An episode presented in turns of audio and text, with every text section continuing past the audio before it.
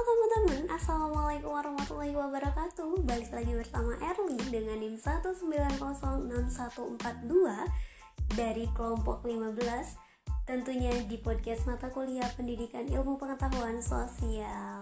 Nah teman-teman selamat pagi, selamat siang, selamat sore ataupun selamat malam Di mana pun kalian berada dalam kondisi apa pun kalian saat ini. Semoga Allah senantiasa memberikan kesehatan serta perlindungan kepada kita semua. Amin ya Allah ya Rabbal Alamin.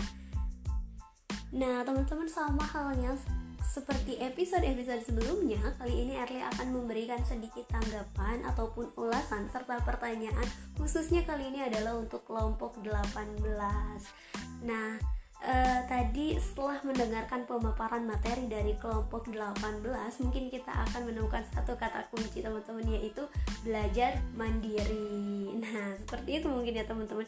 Nah mendengar pematerian dari pemantik justru ini menjadikan Erli teringat kembali pada pematerian sebelumnya teman-teman di mana kita sebagai calon pendidik atau mungkin nanti menjadi seorang pendidik ini harus bisa menciptakan ruang dan tempat seperti itu. Nah, tadi pun dijelaskan oleh pemantik bahwa kita seorang pendidik ini harus bisa menguasai panggung seperti itu katanya teman-teman. Di mana atau dapat diartikan kita harus bisa menguasai kelas agar apa? Agar menjadi suatu yang kondusif bagi pembelajaran gitu, bagi kegiatan belajar mengajar nantinya teman-teman seperti itu. Nah, uh, Erli sangat setuju teman-teman ketika pemateri mengatakan bahwa uh, kemandirian ini merupakan poin yang paling penting yang harus dimiliki oleh seorang pendidik. Nah, Mengapa demikian? Karena ketika seorang pendidik telah memiliki jiwa kemandirian, maka dia akan bisa mengeksplor dirinya sendiri.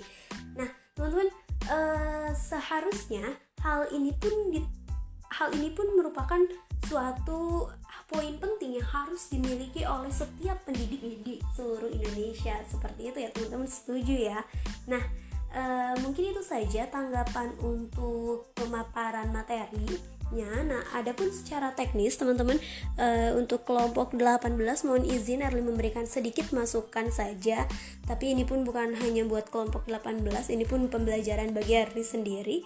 Nah, di mana secara teknis untuk kelompok 18 mohon maaf ini tidak ada kesalahan maksudnya tidak terlalu banyak kesalahan lah istilahnya. Dalam penyampaian materi itu uh, penyaji telah memberikannya luar biasa lah istilah uh, menggunakan kata-kata yang komunikatif. Nah hanya saja uh, tadi istilahnya pendid uh, pemateri ini terlalu terutama pemantik pertama itu terlalu textbook.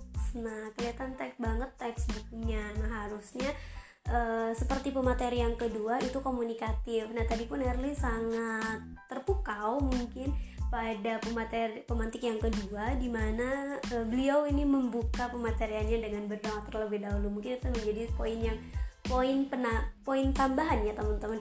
Nah seperti itu. Nah sama halnya dengan episode-episode sebelumnya teman-teman.